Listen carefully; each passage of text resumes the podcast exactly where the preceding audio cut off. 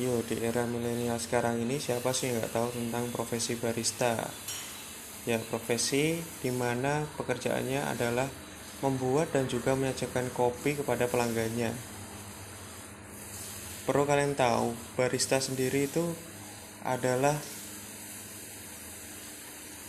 kata dari bahasa Italia yang berarti adalah pelayan bar Pekerjaan barista sendiri di Indonesia merupakan salah satu pekerjaan yang bebas dari gender stereotyping. Hmm, setuju juga sih, karena sekarang banyak sekali bermunculan barista dan juga Q grader dari kaum hawa.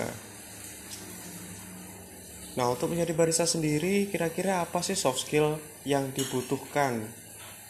Tentu saja, yang pertama ada menyajikan minuman atau kopi yang nikmat bagi pelanggannya. Hal ini merupakan faktor fundamental bagi barista. Yang kedua adalah kemampuan komunikasi yang cakap.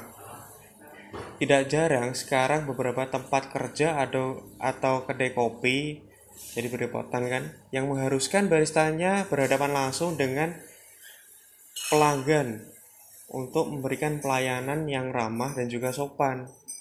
Selain itu, barista juga perlu memiliki kemampuan presentasi yang baik. Kenapa?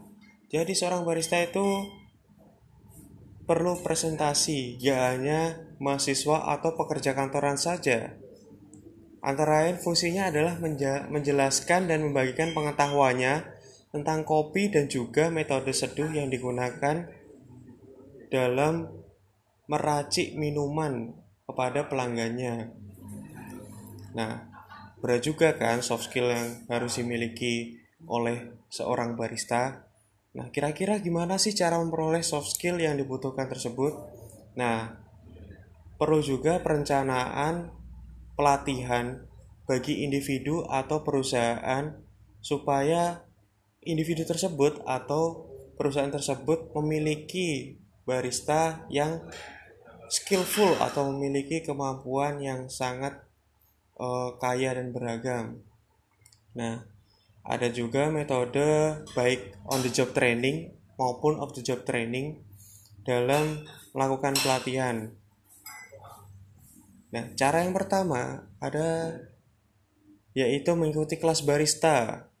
Nah, tapi nggak asal mengikuti kelas barista. Sekarang banyak nih kadang yang mengadakan kelas barista ala-ala. Ala-ala yang sebagaimana jadi kelas barista ini tidak diakui oleh Specialty Coffee Association atau di mana lembaga yang mereka berwenang dan juga berlisensi terhadap suatu pelatihan dan juga apa pun itu yang berkaitan dengan dunia perkopian.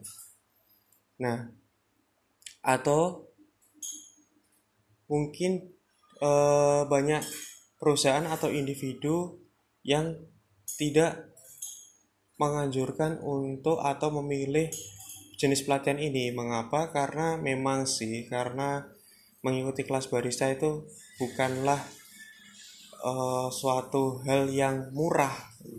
Namun kelas barista ini salah satu cara cepat untuk memperoleh soft skill yang dibutuhkan oleh seorang barista dan juga merupakan investasi yang bagus bagi barista tersebut. Karena apa? Di kelas barista ini uh, mereka memiliki silabus yang jelas, tersertifikasi dan juga punya kode etik yang jelas tentang uh, arti dari sebuah profesi barista. Kedua, mungkin bisa juga dengan mengadakan pelatihan atau workshop dengan pemateri dari juara kompetisi barista. Mengapa?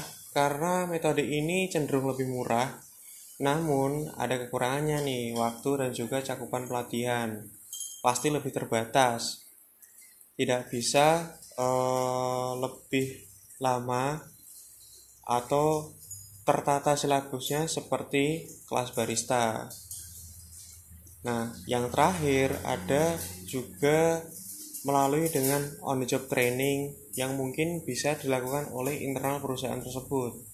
Jika memiliki sumber daya manusia yang kompeten ataupun memiliki headbar dan juga karyawan yang sudah berpengalaman dan juga sesuai dengan kebutuhan perusahaan tersebut. Baiklah, terima kasih sudah mendengarkan teori santai. Sampai jumpa lagi di podcast selanjutnya.